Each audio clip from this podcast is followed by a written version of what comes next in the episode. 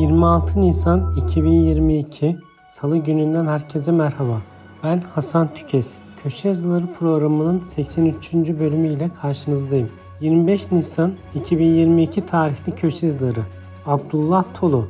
Oran indirimi KDV iade sorununa neden oldu. Cem Kılıç. Bayram çalışması hakkında her şey. Ekrem Sarısu. Kontrol muayenesini kaçırırsanız aileniz kesilir.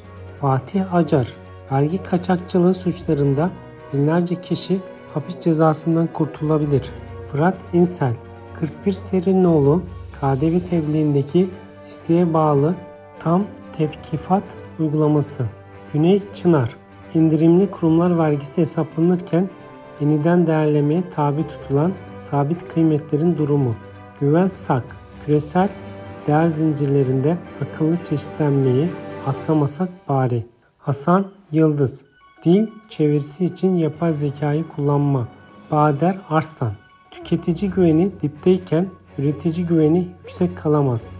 İhsan Çaralan İşçiler ve emekçiler 1 Mayıs haftasına girerken İsa Karakaş işe iade edilen işçi göreve nasıl başlatılır? İsa Karakaş bu hafta ödenecek bayram ikramiyesinde en çok merak edilenler.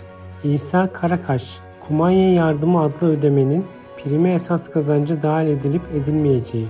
Kübra Çalışkan Öztürk HIV virüsü taşıyanın hukuki sorumluluğu nedir?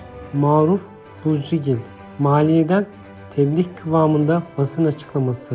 Mahfi Eğilmez Satın alma gücü paritesiyle gayri safi yurt içi hasılada nasıl oluyor da Türkiye 11. sıraya yükselirken İran 20. sıraya geriliyor. Mert Nayır, milyonlar bekliyordu. Bakan kötü haberi duyurdu. Melih Baş, Dünya İşte Güvenlik ve Sağlık Günü 2022. Musa Çakmakçı, Yargıtay, aynı eyleme iki ayrı ceza verilemez. Numan Emre Ergin, 2021 yılı kurumlar vergisi için dava konuları. Noyan Doğan, kredi kullanacaklara hayat sigortası rehberi. Noyan Doğan, doktorlar ameliyattan korkar oldu. Olcay Er, imalatçı ihracatçıya KDV müjdesi. Özden Yağmuroğlu, iş güvencesi ve sonuçları. Sezgin Özcan, engelli hakkıyla emeklilik ve sonrası çalışma. Veysi Sevi, enflasyon düzeltmesi, yeniden değerleme oranı ve yeniden değerleme. Yüksel Altun, ücreti ödenmeyen işçi iş görme borcundan kaçınabilir mi? Blog yazıları, çalışanların irtibat kesme hakkı, Estonya'da nasıl şirket kurulur? Nakde ödenen kumanya yardımında sigorta primi kesilir mi?